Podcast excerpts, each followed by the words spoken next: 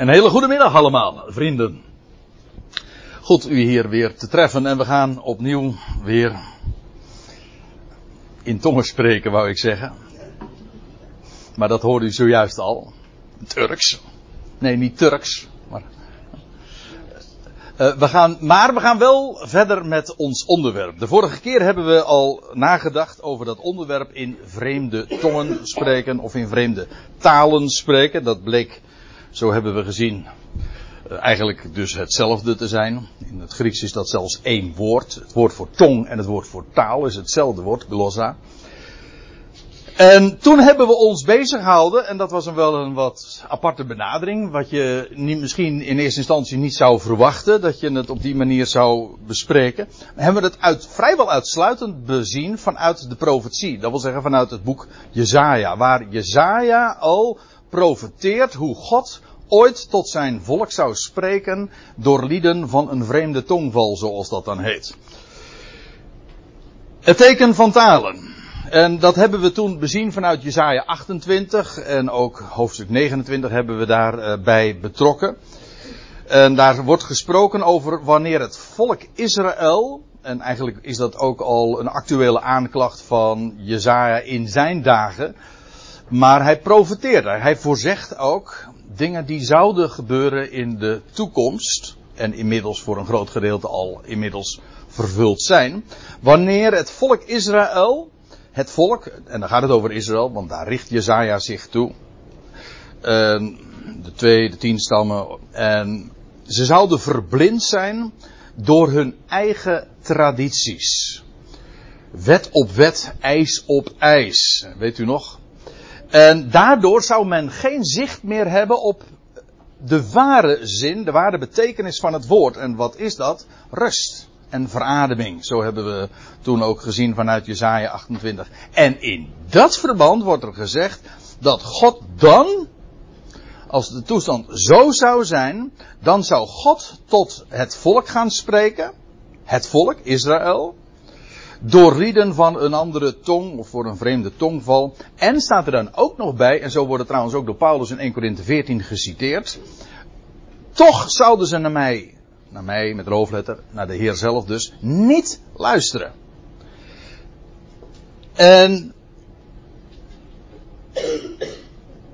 dan wordt daar in datzelfde verband trouwens ook nog gesproken over dat God in Zion een steen zou neerleggen, dat een hoeksteen zou zijn, maar waar het volk over zou struikelen. En dat is allemaal onmiskenbaar profetisch, gaat over de tijd van de verschijning van de Messias die verworpen zou worden. En wat we daarbij vooral ook hebben gezien in die profetie, dus louter vanuit de benadering, dus vanuit de Hebreeuwse Bijbel, wat het spreken in tongen is, het spreken in vreemde talen, wat de betekenis ervan is, ook de, het waarom, het motief, waarom God dat zou doen, en ook tot wie het gericht is. Namelijk tot het volk. En dat zien we dan trouwens ook in de vervulling direct. De eerste keer dat er sprake is in het Nieuwe Testament, en dat kennen we allemaal, namelijk de dag van Pinksteren, de vijftigste dag toen in Jeruzalem, dat God inderdaad tot het volk sprak.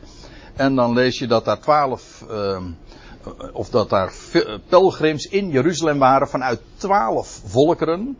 Die worden dan ook allemaal bij name genoemd. En ieder van hen hoorde hen uh, dat wil zeggen de discipelen, de apostelen, spreken in hun eigen taal. God sprak dus door, tot Israëlieten, maar door een vreemde tongval. En dat was een wonderbaar en ook een, een wonderbaar verschijnsel en een teken, een wonderteken dus. Nu, vanmiddag, gaan we weer verder met het onderwerp. Maar nu bespreken we het vanuit het Nieuwe Testament en wel vanuit 1 Korinthe. En als we dan even bladeren in de Korinthebrief, dan zien we dat in 1 Korinthe 12 en in hoofdstuk 14, maar eigenlijk moet ik zeggen 1 Korinthe 12 tot en met 14, wordt gesproken door Paulus uh, over de kwestie van het spreken in vreemde talen en ook over de waarde en de betekenis van profeteren. En In hoofdstuk 12 en 14 zet hij dat uiteen. En hoofdstuk 13 is min of meer een intermezzo daarop. Een, een lofzang op de liefde. En dat hoofdstuk, nou ja, dat is zo over en over bekend. Maar ik denk dat de hele setting en de reden waarom Paulus die, dat hoofdstuk opgetekend heeft. En waarom dat tussen 1 Korinthe 12 en 1 Korinthe 14 in staat. Uh, velen ontgaat. Want Paulus wil daarin iets naar voren brengen. Niet alleen maar een lofzang op de liefde, maar hij zet dat. Waarom zet hij dat nou tussen hoofdstuk 12 en 14? Waarom schrijft hij eerst over het spreken in tongen en doet hij vooral uh, zijn best om te laten zien dat het lang niet zo belangrijk is als dat die Corinthiërs uh, meenden dat het was. En op alle, ja, alle praktijken rond dat fenomeen in Paulus' dagen al. En het misbruik dat men ervan maakte. En,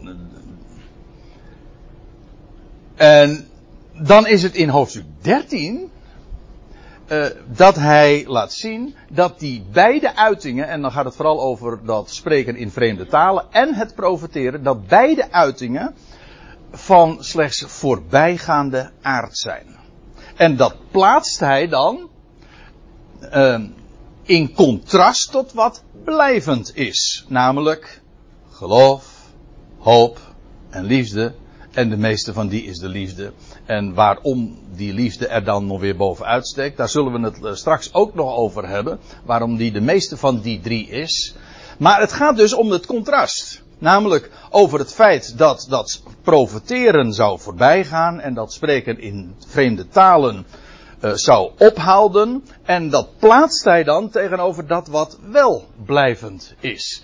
En dat is de eigenlijke zin van hoofdstuk 13. En vandaar dat hij dus ook begint met een lofzang op de liefde. En daar gaan we het vanmiddag trouwens helemaal niet over hebben. Niet omdat dat niet belangrijk is, maar omdat het gewoon niet het onderwerp is. Vandaar dat ik nu vanmiddag ga aanhaken bij vers 8. Daar begin ik te lezen. Nadat dus in die eerste zeven versen van dat hoofdstuk uh, beschreven is, en zojuist heeft Lup het ook voorgelezen, dat, ja, het is, een, het is poëtisch. Het is een, een lofzang. Een, uh, wat liefde is en wat liefde doet. De kenmerken van de liefde Gods. Want dat is eigenlijk waar het over gaat. Het gaat hier maar niet zomaar over genegenheid of sympathie die je voor mensen hebt. Uh, wat vaak dan nog weer zijn basis vindt in het feit, in de eigenschappen van de ander. Maar het gaat hier over agape liefde. Die onvoorwaardelijk is en vandaar ook eigenlijk uh, het meest eigen is aan God zelf. God die houdt van zijn schepping. Waarom? Het is zijn eigen schepping. De enige liefde die we hier op aarde kennen die daar in de buurt komt en die eigenlijk ook dat laat zien, dat is de liefde van ouders voor een kind. De liefde van een vader voor zijn kind of van de moeder voor zijn kind. Een van je kind hou je niet omdat het kind lief is of aardig is of mooi is of presteert. Ik bedoel, als, als dat wel het geval is, dan is dat geen gezonde verhouding. Nee, je houdt van je kind omdat het jouw kind is. En dat is nooit ongedaan te maken. En wat het ook doet, het blijft je kind. Nou, zo is ook de verhouding van God tot zijn schepping. Het is zijn schepping. Het is werk van zijn handen en daarom gaat zijn liefde er ook naar uit. In Psalm 145 lees je ergens dat Gods barmhartigheid gaat over al zijn werken. Ja, waarom?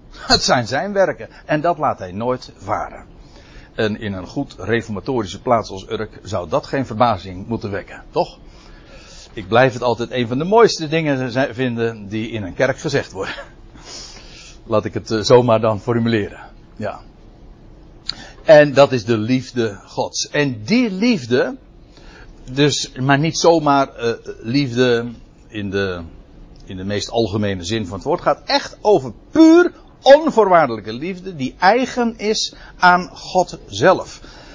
Wel, die liefde vervalt nooit. Zij vergaat niet, staat er in de NBG-vertaling, vervalt niet. Als je de King James hebt die zegt, love, uh, of this love, uh, never fails. Vind ik erg mooi trouwens ook. Vallen en fail uh, hebben, va vallen en falen Ik weet niet hoe het etymologisch is, maar ze lijken verdacht veel op elkaar. En dat betekent ook, ze faalt niet. De liefde, de liefde Gods faalt niet. Bereikt altijd dat wat het beoogt. En dat is alleen al een geweldig kenmerk. Als je, als je weet dat God liefde is en wat Hij, wat Zijn liefde wil bewerken. Ik, uh, ook dat is een mooi uh, woord. Staat in, het is geen Bijbelvers, maar het is wel een, een, bekend lied. Wat Zijn liefde wil bewerken, ontzegt Hem Zijn vermogen niet. Hij is liefde en Hij heeft Zijn hele schepping op het oog. En His love never fails. Ja, de liefde vervalt nooit. En eigenlijk, als we straks in vers 13 aankomen, dan, dan eindigt het meer waar we zojuist mee begonnen zijn, namelijk bij vers 8. Die liefde blijft. Die vergaat nimmer meer.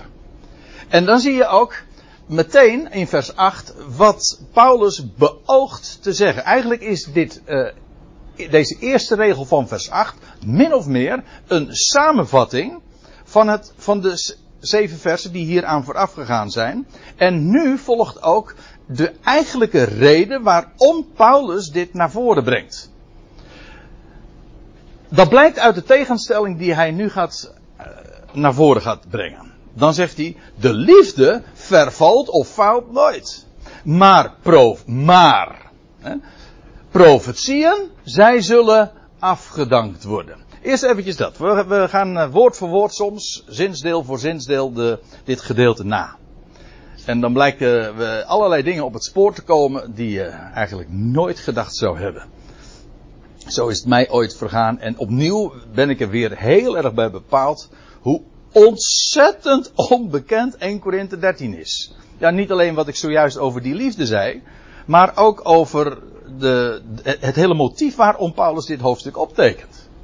Eerst even over die profetieën. Als hij het heeft over die profetieën, uh, daar had hij eerder al over gesproken in hoofdstuk 12, dan heeft hij het over, dan heeft hij het niet over de profetie in de schrift, dan heeft hij het over het profeteren, het uitspreken van rechtstreekse godswoorden.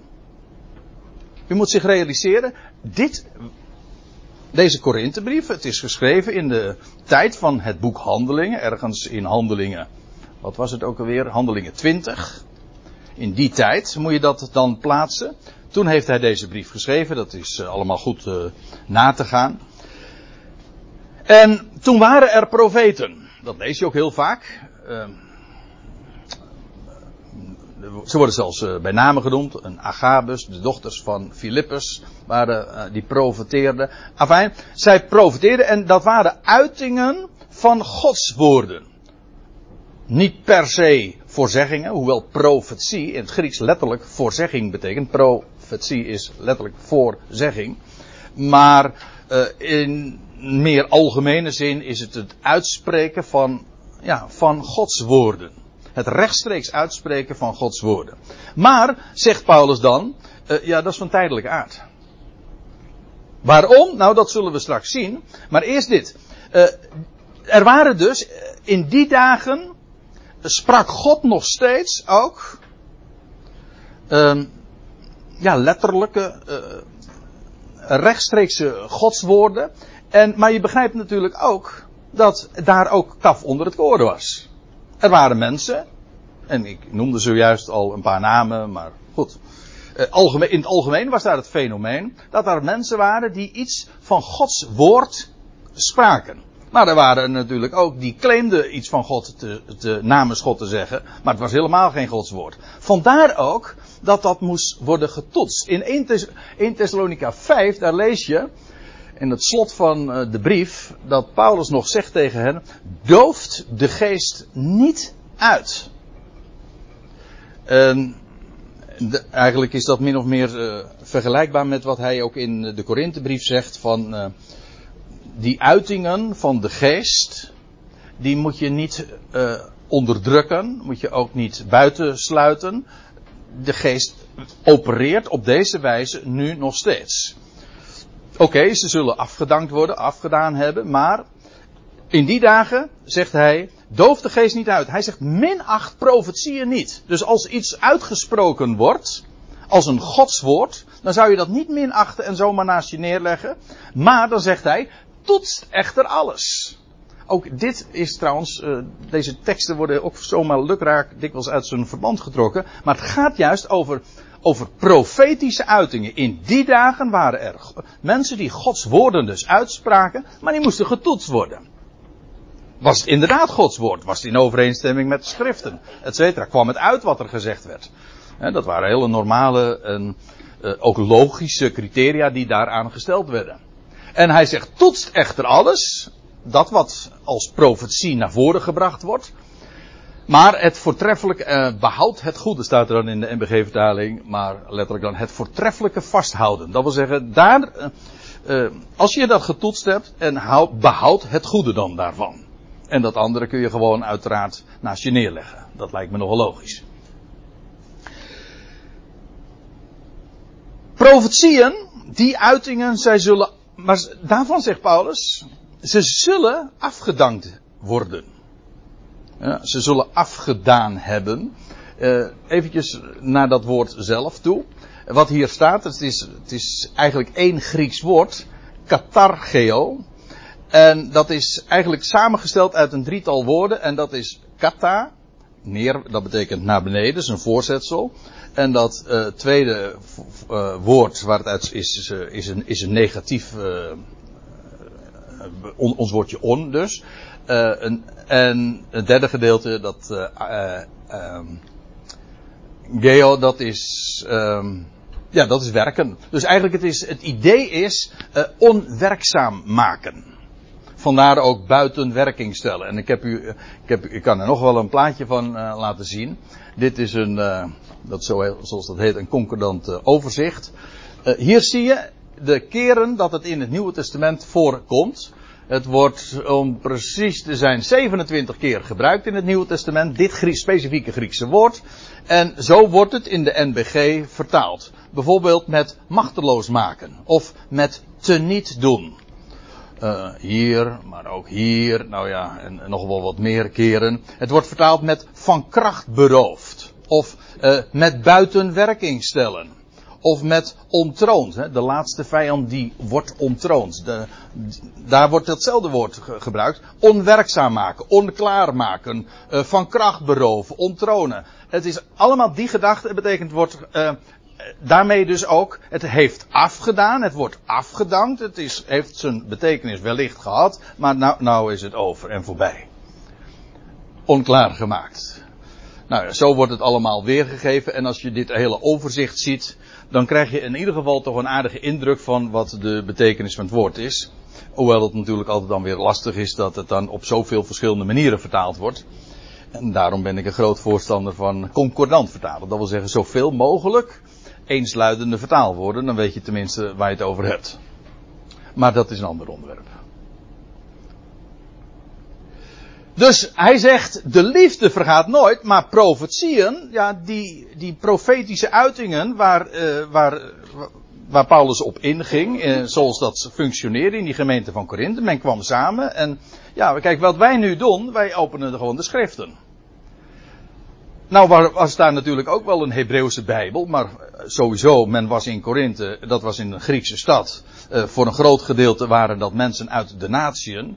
Ja, wat moesten die met een Hebreeuwse Bijbel? Nou ja, een Griekse vertaling daarvan. Maar de woorden Gods waren nog niet vastgelegd. Er, en dus had de een een profetie en de andere had een openbaring. Paulus schrijft daar ook over, als je dat leest vanaf vers 26 in hoofdstuk 24. Dan zegt hij, nou, als, als jullie dan samenkomen, dan heeft een ieder iets. De een dit en de ander dat. En zo kwam men samen. Maar hij zegt, die profetieën, denk erom, ze zijn tijdelijk. Zo onvergankelijk als de liefde is, die hij zojuist bezongen had, zo tijdelijk zijn die profetieën. Waarna natuurlijk de grote vraag is, en dat is de hamvraag van vanmiddag ook, wanneer dan wel? Hè? Wanneer verdwijnt dat? Wanneer worden die afgedankt? Eh, maar het geldt trouwens niet alleen voor die profetieën, die afgedankt zullen worden, of afgedaan zullen hebben, maar ook van de talen. Talen, ik zei al, dat is dat Griekse woordje glossa, wat of tong of taal betekent, maar eigenlijk is dat gewoon hetzelfde. Een tongval of. Uh, maar hier heeft hij het dan over die vreemde talen. Dat wil zeggen het spreken in talen die men niet kende. En ook hiervan begrijp je, als je daar even over nadenkt, dat daar ook in die dagen natuurlijk kaf onder het koren was. God sprak hè, door profetie, door profetische uitingen in die dagen, in ieder geval, want daarover heeft Paulus het in dit gedeelte. Maar er waren ook die spraken in vreemde talen. Maar ja, dat konden letterlijk vreemde talen zijn. Zoals dat gebeurde op die Pinksterdag. Dat was een wonder. Trouwens, later lees je in het huis van Cornelius. werd er ook in, in vreemde tongen gesproken. En dan ging het ook werkelijk over bestaande talen. Later lees je dat in Efeze ook nog weer. Werkelijk, concreet bestaande talen. Maar ja, hoe weet je dat? Ik kan hier nu wel. Uh, uh, ik kan nu wel hier. Ik ga geen poging doen, want. Uh, maar daar gaat het nou even ook niet om. dat je zomaar iets gaat brabbelen.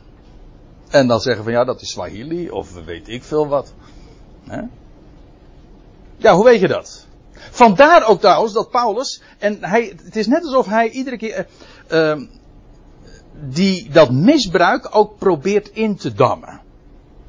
Hij zegt, verhindert het spreken in talen niet, maar hij legt wel zoveel uh, veiligheids, uh, hoe zeg je dat?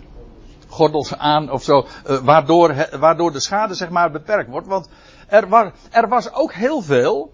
Uh, nou, laat ik het nou eens eventjes op zijn modern zeggen. In de moderne Bijbelvertalingen, de NBV, die spreekt niet over tongentaal of over vreemde talen, maar die spreekt over klanktaal. Laat ik u dit vertellen. Ook in Korinthe was er al heel veel klanktaal. Ja, ik had, ik ook kunnen zeggen veel brabbeltaal. Maar volgens mij is dat gewoon hetzelfde hoor. Ja, het ene klinkt wat sympathieker dan het ander. Maar als ik, uh, als ik brabbel, dan hoort u alleen maar klanken. Maar omgekeerd, als ik in klanktaal spreek, dan hoort u alleen maar gebrabbel. Dus het is, het is, het is linksom of rechtsom, het is toch hetzelfde. Gewoon gebrabbel. Zodat er echt spreken in talen was in de dagen van het boek Handelingen en ook in Korinthe. Maar er was ook veel kaf onder het koren. Net zo goed als dat met het, met het profeteren het geval was. Vandaar dat het getoetst moest worden. En vandaar ook dat Paulus zegt dat als er nou, hij zegt van nou als je, als je dat nou alleen doet. Ik bedoel, nou ja, goed, uh, de schade dan is erg beperkt. Uh, hooguit dat je jezelf misschien voor de gek houdt. Maar uh, hij heeft het erover dat je, als je bij elkaar komt en er is iemand die spreekt in vreemde talen en niet iedereen begrijpt dat, dat hij zegt van dan moet het vertaald worden. U begrijpt dat op het moment dat je die eis stelt, dan wordt er ineens een stuk minder in vreemde talen gesproken hoor. Kan ik u vertellen? En uh, ik zou zeggen, ga maar eens een keertje een willekeurige Pinkster of charismatische gemeente in. En je zult merken, en ik ben nou niet echt een expert, maar ik heb genoeg ervaring toch op dat gebied opgedaan in de loop der jaren er wordt, het wordt nooit vertaald. Dat spreken in talen, dat spreken in tongen, is gewoon inderdaad alleen maar gebrabbel en je weet helemaal niet waar het over gaat. U begrijpt dat op het moment dat inderdaad dat zou functioneren van, als er iemand in vreemde talen spreekt, oké, dan dat het ook vertaald wordt. Dan weten we in ieder geval waar het over gaat. Want anders wordt niemand opgebouwd. Want dat is juist het grote criterium, het op, de opbouw van die gemeente, van die ecclesia. Dat spreken in talen. Dus het, het, het fenomeen dat je in een taal ineens spreekt zonder dat je die ooit geleerd hebt. Dat is een wonder. En dat, dat vond plaats. Maar zoals gezegd, ook daar is, was kaf onder het koor. Maar van Paulus zegt, en daarover heeft hij het nu, het fenomeen zelf is gewoon tijdelijk. Hij zegt, ze zullen ophouden. Zoals hij van die profetieën zegt. Het zal afgedaan hebben, het zal afgedankt worden. Van die talen zegt hij, het zal gewoon ophouden. Dat woord wat hij trouwens gebruikt, dat is pauo. En dat betekent gewoon letterlijk stoppen. En ons woord pauze is daar ook van afgeleid. En wat dacht u van de naam Paulus zelf? Paulus betekent eigenlijk letterlijk uh, een, iemand een, een stopper. Iemand die doet stoppen. Iemand die doet ophouden. En als je dat uh, eenmaal begrijpt, dan begrijp je ook meteen waarom die naamswisseling, hoe Saulus Paulus werd. Want hij, hij was dan toen bij die, heet die, Elimas. Die, hij zegt, hoe lang zul jij um, de wegen des Heren ophaal, uh, verdraaien? Weet u dat? Kent u die geschiedenis nog? En dat hij dan zegt van, en hij deed hem stoppen. Hm? En terstond werd hij, wat gebeurde er nou? Hij werd blind, ja, natuurlijk, ja. Ja, ook dat is ook profetisch natuurlijk. Hoe, hoe kon het me ontgaan? Hij werd terstond blind, ja. Een type van Israël. Maar Paulus deed die man stoppen. En vandaar dat hij ook eigenlijk uh, Paulus heet. En het heeft eigenlijk ook te maken met de onderbreking in de heilstijd. Want die, die Elimas die werd voor een tijd blind. Zoals Israël ook voor een tijd blind is. Maar weerziende zal worden. Dus pauze en Paulus, het heeft alles met elkaar te maken. Terug naar het onderwerp, want het ging over die talen die zullen ophouden. En nou noemt hij nog iets, kennis. Zij zal afgedankt worden. Kennis. En nou, hij had al eerder in hoofdstuk 12 gesproken over, over allerlei charismata, dat wil zeggen eigenlijk genade-effecten. De genade uh, heeft weer andere uitwerking in de een dan in de ander. Zoals als ik in een fluit blaas, dan krijg ik weer, nou ja, ik, of in ieder geval een muzikant, als die in een fluit blaast, dan krijgt, produceert die lucht weer ander geluid dan wanneer je in een trompet of in een saxofoon blaast. Hè. Iedere keer krijg je ander effect. Het is dezelfde genade, maar je krijgt iedere keer verschillende effecten. Zoals, zo geeft God zijn genade aan verschillende mensen. Maar het heeft bij ieder weer andere effecten. Dat is eigenlijk wat charisma eigenlijk is. Het is een genade effect. En sommige mensen die hadden een, een woord van kennis. Die iets op een wonderbaarlijke wijze ook weer bovennatuurlijk wisten aan te wijzen. Ook daarvan lezen we in het Nieuwe Testament verschillende keren voorbeelden. Niet alleen voorzeggingen, dat is dan profetie, maar ook een, een uiting van kennis. Iets wat je normaal, naar menselijke maatstaven niet zou kunnen weten, wat je bekend maakt. En, maar Paulus zegt, zulke woorden van kennis, een, een, zulke woorden, eigenlijk komt het neer op een, op een openbaring die je krijgt en die je dan doorgeeft. Hij zegt, ze zal afgedankt worden. Ook hier weer, dan moet ik er goed bij, moet je goed uh, je realiseren. Niet die kennis aan zich houdt op, maar deze kennis. Wel, welke kennis? Nou, dat zullen we zien in het volgende vers. Hij beschrijft een bepaald soort kennis. Kijk, kennis in het algemeen houdt natuurlijk niet op. Integendeel, wat Paulus in dit gedeelte naar voren brengt, is, eh, ik zal eenmaal kennen zoals ik ten volle gekend ben. dan is de kennis juist volkomen geworden. Geldt trouwens ook voor die talen op zich houden ook niet op. Maar het is niet zo dat we, dat, dat op een gegeven, dat we straks helemaal niet, of dat, er, eh, dat hij hiermee gezegd van, uh, straks wordt, wordt er helemaal niet meer gesproken. Of dat de profetieën uh, zullen verdwijnen. Nee, het gaat over die profetische uitingen, dat wonderteken van dat spreken in talen en dat wonder van, van dat God speciale woorden van kennis geeft. Hij zegt dat zal eenmaal afgedankt hebben, uh, afgedankt worden. Hoezo? Nou, laat ik al in ieder geval dit zeggen. Ik kom daar straks nog op terug, uiteraard, want het is een heel belangrijk punt. Het woord, die woorden van kennis zullen eenmaal verdwijnen. Waarom? Omdat er een moment komt dat het woord van God compleet is. Gecompleteerd is. Dat wil zeggen dat alles wat God te melden heeft, bekendgemaakt is. En dan is compleet. En dan, hoeft, dan, hoeft, dan hoeven die woorden van, van kennis niet meer uh, gebezigd te worden, of hoeft niet meer gepraktiseerd te worden, hoeft ook niet meer gegeven te worden. Want God, alles wat te melden is, is inmiddels bekendgemaakt. En, wat zeg ik? Wat zeg ik?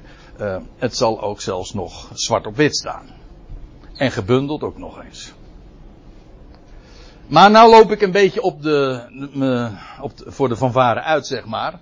Het gaat er even om dat Paulus hier de liefde, die blijvend is, plaats tegenover profetieën en talen en kennis die afgedaan zullen hebben en zullen ophouden. Dan gaat hij dat ook uitleggen. Want, hoezo? Waarom zal dat ophouden en waarom zou dat dan uh, afgedaan hebben?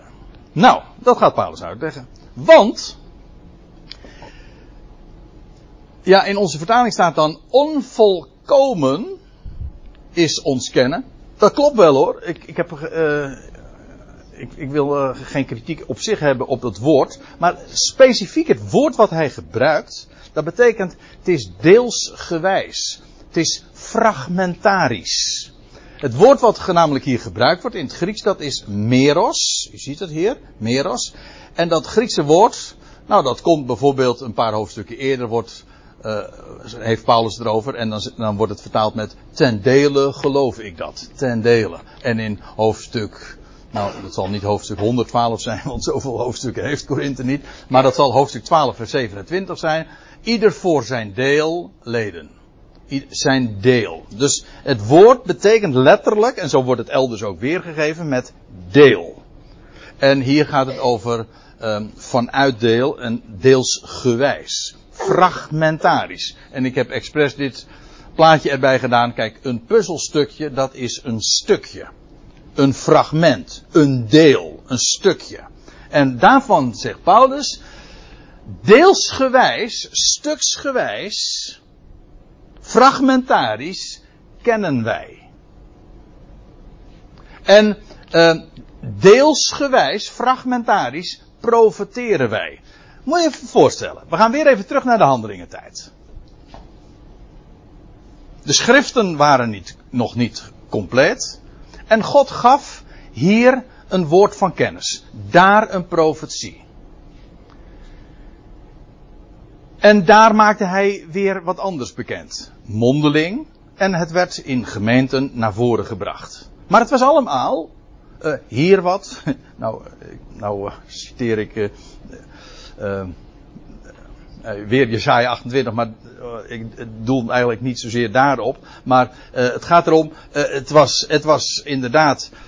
In Korinthe maakte hij dit bekend. En in Galatië dat, en in Jeruzalem weer wat andere dingen. Maar het was allemaal stuksgewijs. En, en het vervloog eigenlijk ook allemaal weer, want het was mondeling, het werd wellicht misschien doorgegeven. Maar het was allemaal zo fragmentarisch. Dat is wat hij zegt over dat kennen in die dagen. Dat kennen, want wij zeggen, en uh, nou ja, eigenlijk is de hele charismatische beweging, de Pinksterbeweging, gebaseerd op dat verlangen van teruggaan naar de handelingentijd. En ik denk dan bij mezelf, laat het Paulus maar niet horen. Want dat is namelijk de kindertijd waarvan hij zegt, ja, eh, dat, dan, toen was alles nog, hij zegt, uh, deelsgewijs. In, terwijl hij de Korinthebrief schrijft en hij corrigeert hen op het gebied van spreken in tongen, spreken in vreemde talen, op het gebied van, van profeteren. Hij zegt, het is allemaal nog maar heel stuksgewijs. En wij zeggen, geweldige uitingen van de geest. Natuurlijk, dat is waar. Ik bedoel daar ook helemaal niks geringschattends over te zeggen.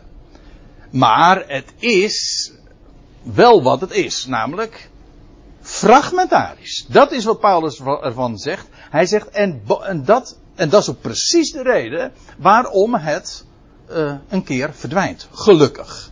Dan is het niet meer fragmentarisch, dan, dan is het tot volheid gekomen. Want tegen, het tegenovergestelde van fragmentarisch is natuurlijk compleetheid.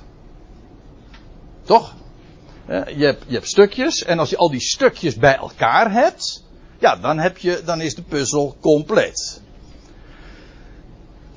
Maar dat was karakteristiek van het kennen en het profiteren in de dagen van de Corinthiërs. Zeg maar in de dagen van het boek Handelingen. Het Nieuwe Testament was daar nog niet. Trouwens, Paulus had ook uh, het, de verborgenheid nog niet ten volle ook uh, geopenbaard. Het was allemaal nog heel, ja, deelsgewijs. Het waren stukjes.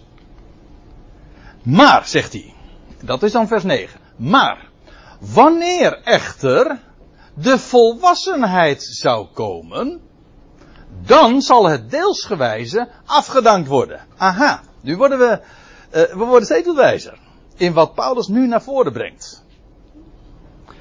Want hij zegt dat fragmentarische houdt op en wat maakt plaats voor de volwassenheid. En u zegt, hé, hey, wacht even, jij zegt nou volwassenheid, maar in mijn Bijbel, uh, of dat nou de Statenvertaling of de MBG-vertaling is, staat er het volmaakte. Dat klopt. Laten we daar eens eventjes uh, naartoe gaan. In het Grieks staat hier het woordje teleios. Dat komt van het woord telos en dat betekent einde. Ja, en dat hangt nou helemaal af van de, van de context, uh, hoe, hoe, je dat dan zou moeten weergeven. Als het gaat om kwaliteit, hè, dan is het einde van, van kwaliteit. Als ik zeg van, nou, het is helemaal, of van een maand, nou, het was helemaal het einde. Dat betekent dat het was gaaf, het was af. Het wordt bijvoorbeeld ook gebruikt in de Septuaginta van een offerdier. Een gaaf offerdier. Dat was gewoon volmaakt. Dat was niet, nou, perfect was niks op aan te merken uh, uh, zonder enige, hoe noem je dat? Gebrek, ja, dat is het woord. In verband met kwaliteit spreek je dan inderdaad over gaaf of af.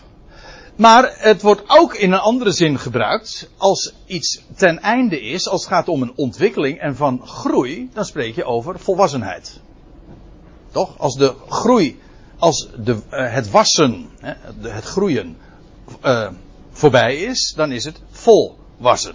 Dan is de groei voorbij.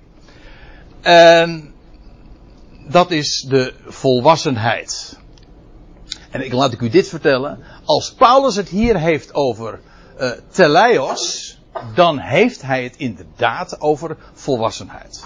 Kan niet anders. Blijkt wel uit de volgende verse. Want dan gaat het dan plaatsen tegenover toen ik een kind was. En, maar toen ik een man geworden ben. Dat is de context. Hij heeft het niet over perfectie, want zo wordt het heel vaak opgevat. Hè? Of heel vaak, ik denk bijna altijd. Zeg van ja, Paulus heeft het hier over die tongen en die dat profiteren en dat kennen. Dat blijft tot het volmaakte gekomen is. Het volmaakte is het nog steeds niet, want kijk maar, jij vertoont nog allemaal uh, gebreken. Ik natuurlijk niet. Hè? En, en jij ook. En, uh, en dus het volmaakte, het volmaakte dat is er pas wanneer de Heer gekomen is of zo. Ja, en juist dat de weergave van het woord volmaakt zet je op een verkeerd been. Het gaat niet over volmaaktheid, de perfectie. Het gaat over volwassenheid. Trouwens, het woord komt in de, dit Griekse woord, teleios, wat hij hier gebruikt, wat hier dus vertaald wordt met volmaakt. Dat komt drie keer voor in het Nieuw, in, nee, niet in het Nieuwe Testament, maar in de Korinthebrief. En de eerste keer is in hoofdstuk 2 vers 6. En ik, dan wordt het weergegeven met, uh, dan spreken wij wijsheid bij hen die daarvoor rijp zijn. En in hoofdstuk 14, oh dat is, dit, en dit is dus de tweede keer, in hoofdstuk 13 is de tweede keer. En in hoofdstuk 14 wordt het nog een keer gebruikt en dan staat er, uh, kinderen, wees, uh, wees kinderen in de boosheid. Onvolwa- wees niet volgroeid in de uh, boosheid, maar uh, wordt in het verstand, in het begrip, in het, in, ja, in het begrijpen van volwassen. Hier staat exact hetzelfde woord. In hoofdstuk 14 staat dus exact hetzelfde woord als in hoofdstuk 13 vers 10. Alleen in hoofdstuk 13 vers 10 heeft men het vertaald, vrij gangbaar, met volmaakt. En zet daarmee de lezer op een verkeerd been. Het gaat over volwassenheid. En wanneer de volwassenheid zou komen, ja, dan zal het deelsgewijze afgedankt worden. Ja, waarom? Niet omdat dat geen, um, uh, niet omdat dat geen betekenis heeft gehad, maar gewoon omdat het dan inmiddels zijn betekenis gehad heeft. Voorbij is. En het, het, gaat hier over het fragmentarische profiteren en, en, dat, en dat kennisdelen. On, hij zegt, deelsgewijs is ons profiteren. Stuksgewijs, uh, fragmentarisch is ons kennen. Hij zegt, maar dat, dat houdt een keer op. En wanneer houdt het op? wanneer de volwassenheid zou aanbreken. Dat verdwijnt namelijk als het woord van God compleet is. In, Colos, in, um, in Colossense 1 vers 25 dan zegt Paulus ook dat aan hem de bediening is gegeven om het woord van God te completeren. Tot, um, hoe zegt hij dat in de MBG-vertaling?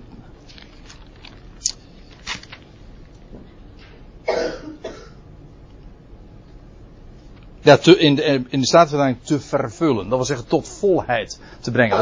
Letterlijk, staat er daar ook het woordje uh, compleet maken. Het was allemaal nog niet compleet. Het was stuksgewijs.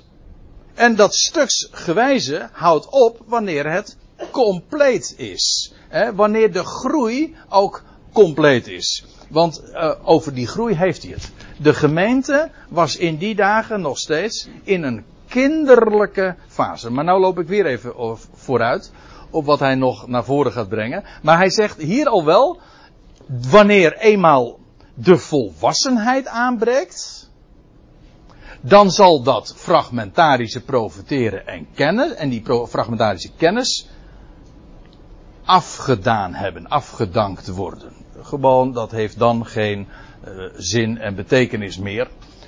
Uh, en weet u wat het ook nog het geweldige is? En ik zinspeelde daar zojuist al even op. In de dagen van het boek Handelingen, toen had men de Hebreeuwse Bijbel. Maar voor de rest was het, ja, het waren al uh, een, een geschriftje hier, een geschriftje daar. Uh, vooral mondeling werden de dingen doorgegeven door de apostelen, door de profeten, maar ook in de gemeente waren er allerlei uitingen. Het was, en dat is het meest karakteristieke, wat Paulus hier daar ook over naar voren brengt, van die kennis die gedeeld werd, de profetie die uitgesproken werden. Het was stuksgewijs. En het was ook allemaal heel vluchtig, namelijk mondeling. Maar, zegt hij, eenmaal zal het woord van God compleet zijn. Niet meer fragmentarisch, maar ook en dat, is, uh, dat completus heeft er ook mee te maken met het feit dat het zwart op wit staat. En bovendien, maar dat is een onderwerp uh, waar ik graag nog een keertje uh, in later dit seizoen over, op, op terugkom, hoe de apostelen zelf hun geschriften bij elkaar hebben gebracht en de kanon tot stand hebben gebracht. Dat is niet door een of ander kerkelijk concilie in de derde of vierde eeuw gebeurd. Nee, dat hebben de apostelen zelf gedaan. De geschriften gebundeld. Dat was, daar was alles aan gelegen om het woord van God compleet te maken. Er is trouwens nog een hele passage die daarover gaat en dat is in Efeze 4. Uh, terwijl ik het zeg, nu denk ik, hé, hey, is misschien een mooi onderwerp om de volgende keer daarover door te gaan. Dan heeft hij het namelijk ook weer over die kinderlijke fase die voorbij gaat en de volwassenheid waar uh, die aan zou breken en dat dan die bepaalde gaven zouden verdwijnen. En dat is ook het grote verschil met de tijd van het boek Handelingen. Alles was toen stuksgewijs. Nu is het compleet. En nu is in de gemeente ook in een volwassen stadium gekomen. Let op, ik zeg niet dat alle gelovigen nu volwassen zijn. Dat is helemaal niet, dat, het, is geen, het is geen kwestie van uh, individualiteit. ik bedoel, als je, als je uh, gelovig wordt, dan begin je gewoon in, ja, bij het begin, logisch. En iemand die al jarenlang met de schriften vertrouwd is, die weet meer en uh, tenminste wordt geacht uh, meer te weten en daarin een ontwikkeling door te maken. Maar daar gaat het niet over. Het gaat niet over die individuele groei, die is allemaal verschillend. de een is hier en de ander is daar. En dan moet je elkaar ook uh, vooral de ruimte in geven, lijkt mij. En dat is ook een kenmerk van de liefde. Je geeft elkaar daarin ook de ruimte. Maar het gaat hier over de gemeente als geheel. In het boek Handelingen was het nog in een kinderlijke fase. Alles was, ook de kennis was nog steeds groeiende. Dat wil zeggen, men, alles was nog niet geopenbaard. Het stond ook allemaal nog niet zwart op wit. Vandaar ook dat men nog heen en weer in velelei opzichten werd geslingerd. Nu leven we in de situatie, sinds de dood van de apostelen, sinds die eerste generatie, de apostelen zijn heen gegaan en wat hebben zij achtergelaten? De schriften. Compleet.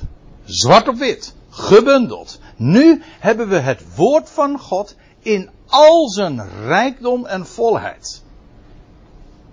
Niet dat wij dat allemaal goed begrijpen, daar gaat het niet om. Maar de gemeente is in een fase dat de volle kennis beschikbaar is. Dit is volmaakt. Het woord van God, ja, ik heb het niet over onze vertaling, maar gewoon de schriften.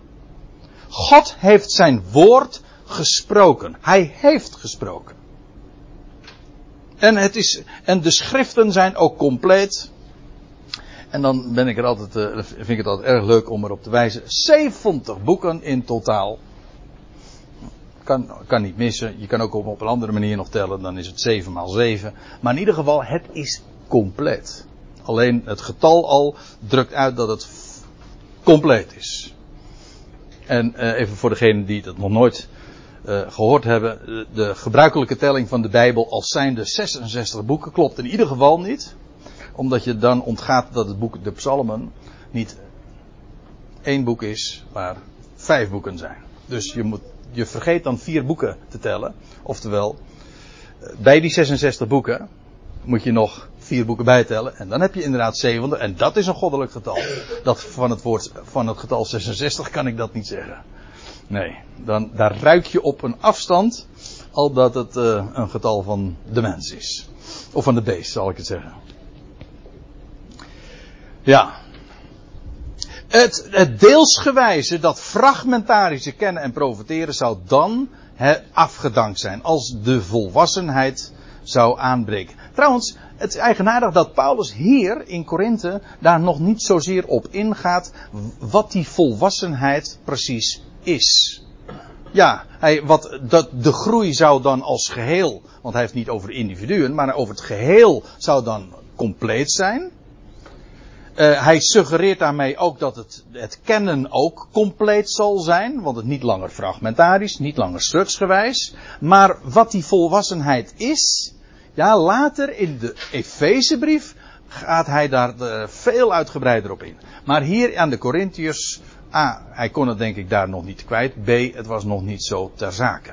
Want het was nog toekomstig. Het enige wat hij nu die Corinthiërs op het hart wilde binden is dat die dingen waar zij nu zo krampachtig aan vasthielden.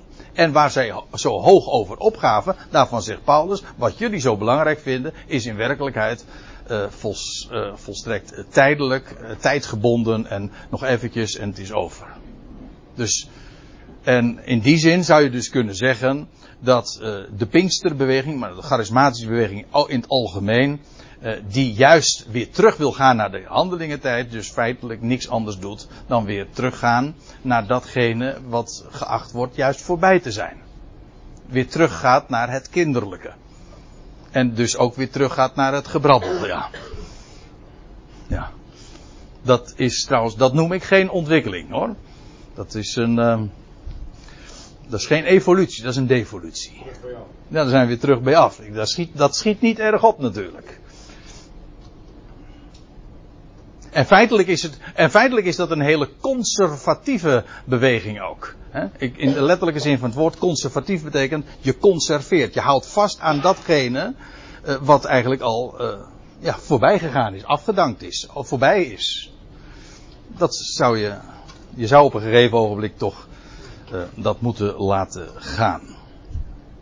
En dan zegt Paulus, uh, toen ik onmondig was, hier zie je dus, hè. Dit bewijst, het feit dat hij dit in vers 11 zo zegt, dit bewijst dat het woordje teleios in vers 10 inderdaad duidt op volwassenheid. Onmiskenbaar. Zoals het elders in de Korinthebrief ook duidt op onmiskenbaar volwassenheid. Toen ik onmondig was, toen sprak ik als een onmondige. Hm? Het gaat hier over het, het, het fragmentarische profeteren. Eventueel nog over dat brabbelen, het niet begrijpen waar je het over hebt. Toen was ik ook gezind als een onmondige. En rekende ik daarmee ook als een onmondige. Het, het kennen is fragmentarisch. Kijk, daar is niks mis mee. Een kind die spreekt onmondig. En als een kind. En hij kent als een kind. En hij rekent als een kind. Ja, logisch. Waarom? Het is een kind. Dat hoort bij die fase. Maar dat, dat is heel gezond. Dat is heel normaal. Maar het is niet normaal dat als je eenmaal 25 bent nog steeds uh, zo praat als een kind. En rekent als een kind. En denkt als een kind. Er, wordt er komt een tijd dat je dat gewoon achter je moet laten. Dat, is, dat heet groei. Volwassen, dat is volwassen worden. Dat is waar de hele opvoeding toch ook op, op gericht is. Maar hij zegt, toen ik onmondig was, sprak ik als een onmondige. Was ik gezind als een onmondige. Ik rekende als een onmondige. En nu ik een man ben geworden, de volwassenheid. Ja, nu heb ik de dingen, heb ik de dingen die van de onmondigen waren, afgedankt. Hier staat weer dat woordje kata, uh, kata, uh, ja, katargeo. Dat is dat uh, buitenwerking stellen. Hè? Dat onwerkzaam maken. Nu heb ik de dingen die van de onmondigen waren afgedankt. Dan laat je je, op een gegeven moment komt er een tijd dat je je poppen uh, laat liggen. Zeg van, dat is mooi geweest, dat was een mooie fase. Of je Lego spulletjes, of je speelgoedtreintjes. Nou moet ik uit, uitkijken trouwens. Want sommige mensen komen nooit daar voorbij natuurlijk. maar, uh, nee, maar u begrijpt wat ik bedoel. Er is sprake van een ontwikkeling. En als je eenmaal volwassen bent, dan hou je, dan word je geacht de kinderlijke dingen achter je te laten. Met kinderlijke dingen is niks mis, maar als je het als volwassene doet, dan wordt het kinderachtig. Hm? Ja.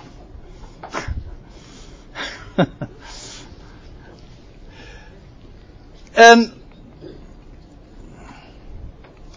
Want, zegt hij in vers, 13, in vers 12. Wij kijken op dit moment nu, in deze onmondige fase, want daarin waren de Corinthiërs nog steeds. In feite, de gemeente in die dagen bevond zich nog steeds als geheel in een onmondige fase. Hij zegt, op, wij kijken op dit moment nog door een spiegel in, in een raadsel. Moet je even begrijpen, want wij denken bij een spiegel, wij, zien een, een, wij hebben een glazen spiegel en daar zie je perfect de dingen in. Hè? Je hebt zelfs glazen spiegels waarbij ik zoveel zie, ik denk, alsjeblieft zeg, dat wil ik helemaal niet zien. Hè? Uh, maar over die zulke spiegels gaat het niet. Het gaat over uh, die metalen spiegels die uh, bijvoorbeeld een koper of een metalen spiegel waarin slechts contouren gezicht, gezien worden. Weet je wel, meer niet. En het allemaal wazig, raadselachtig. Wat is dat nou precies? Nou, dat is de vergelijking. Hij is op dit moment is het, het ons zicht, ons zien nog raadselachtig. Maar, zegt hij, dat is op dit moment de onmondige fase. Maar dan, dat wil zeggen, in de volwassenheid, ja, van aangezicht tot aangezicht dan geen dof raadselachtig beeld meer, maar helder en scherp. Paulus zegt hier, als die tijd van het fragmentarische, deelsgewijze, stuksgewijze kennen en profiteren voorbij is, de volwassenheid is aangebroken, dan zullen we inderdaad alle kennis, de schriften zijn dan compleet. God heeft zijn woord volledig dan gegeven. En daar, ja, en daar ben je trouwens een leven mee bezig om, om daarin je om daar enig besef van te krijgen. Maar het is, we hebben het gewoon allemaal beschikbaar. Het is ongekend. We, ik denk dat we, nee, ik denk, ik weet absoluut zeker. We hebben geen benul hoe enorm rijk we zijn, maar hoe die rijkdom ook nu al ons beschikbaar staat. En, en Paulus zegt, straks, zullen we dat inderdaad allemaal zien van aangezicht tot aangezicht. Toen was de kennis nog heel fragmentarisch, maar dan in de volwassenheid, dan is het zicht inderdaad uh, perfect, helder en scherp, niet meer als in een, in een metalen spiegel vol met raadselen. Op dit moment, zegt hij, ken ik deelsgewijs. Heb je weer, dat fragmentarische. En dat is die onmondige fase. Maar dan, in de volwassenheid, Dan zal ik herkennen zoals ik ook word herkend. Dat is die complete kennis. Al wat God te melden heeft, is dan geopenbaard. Natuurlijk, je kunt altijd zeggen, maar in de volwassenheid leer je het toch ook nog. Dat is waar. Maar dan heb je een bepaald stadium bereikt. De, het wassen, het groeien is dan voorbij. En dan zal er inderdaad uh, sprake zijn. Dan zal ik. Het is nu nog kennen. En hier gebruikt hij het woordje epignosis. En dat is dat, dat herkennen. Het besef hebben. Ik zal dan herkennen zoals ik ook word herkend. Kijk, een kind wordt, ge, wordt gekend. Hè, door de ouders. Een onmondige wordt gekend door de ouders. Hè, uh, op een volwassen wijze, met begrip. Maar wat hij Paulus zegt, als, de, eenmaal, als, als het kind eenmaal volwassen is, dan zal het zelf kennen zoals het ooit gekend is. En gekend wordt. Dan gaat het zelf op die wijze ook kennen. Is de volwassenheid dus aangebroken. En is het begrip er ook. En de kennis is dan niet meer deelsgewijs, maar compleet. En dan, en nou komen we in hoofdstuk, in, ja, niet alleen hoofdstuk 13, maar daar waren we al, in vers 13. En ik weet dat er hier typologische broeders en zusters in ons midden zijn die zeggen van dat zal toch niet voor niks zijn dat dat vers 13 is. Hè? Want 13 is namelijk het getal van de liefde. Nee, daar gaan we het nu niet over hebben, want dan uh, wordt het te laat. Maar het, ik vind het wel verpand. Maar nu. Uh, maar nu blijven. Nee, zo moet ik de, het accent lichten op dat blijven. Hij zegt, maar nu blijven tegenover dus dat wat zal ophouden wat afgedaan zal hebben. Die talen, die kennis, die profiteren. Maar nu blijven geloof, hoop, liefde. Deze drie. En nu wordt ons nog iets duidelijk. Namelijk, kijk, wat is geloof? Nou, Paulus zegt, om maar wat te noemen uit, een, uit de volgende Korinthebrief, dan zegt hij in vers, hoofdstuk 5 van vers 7, hij zegt, wij wandelen in geloof. Niet in aanschouwen. Kijk, straks, in de volmaaktheid, dan is er aanschouwen. Dan, straks, in de, als wij eenmaal in de, opstand, in de opstanding zijn, dan, hoeven we niet dan is er geen geloven meer. Dan is geloof verwisseld in aanschouwen. Toch? Maar Paulus zegt, nu blijven geloof en ook hoop. Trouwens, voor hoop kun je exact hetzelfde zeggen. Want uh, Paulus zegt in Romeinen 8 over die hoop. In die hoop zijn wij behouden. Maar hoop die gezien wordt, dat is geen hoop. Want hoe zal men hopen op hetgeen men ziet? Je hoopt altijd op iets wat nog gaat komen en wat je nog niet ziet. Dus als eenmaal die hoop uh, vervuld wordt en gezien wordt, ja, dan is het geen hoop meer, want dan is het inmiddels werkelijkheid geworden. Dus hij zegt, er zullen dingen afgedaan hebben. Talen, tongen, die gaven van kennis, dat fragmentarische, dat zal afgedaan hebben, dat zal ophouden. Hij zegt, maar wat blijft, dat is geloof, hoop, liefde, deze drie. Geloof, hoop, is dat dat straks nog in de opstanding? Nee. Dan is er geen, dan is geloof verwisseld in aanschouwen en de hoop wordt dan zichtbaar en is dan werkelijkheid geworden. Met andere woorden, als hij spreekt over dat blijvende, dan heeft hij het over nog steeds hier op aarde.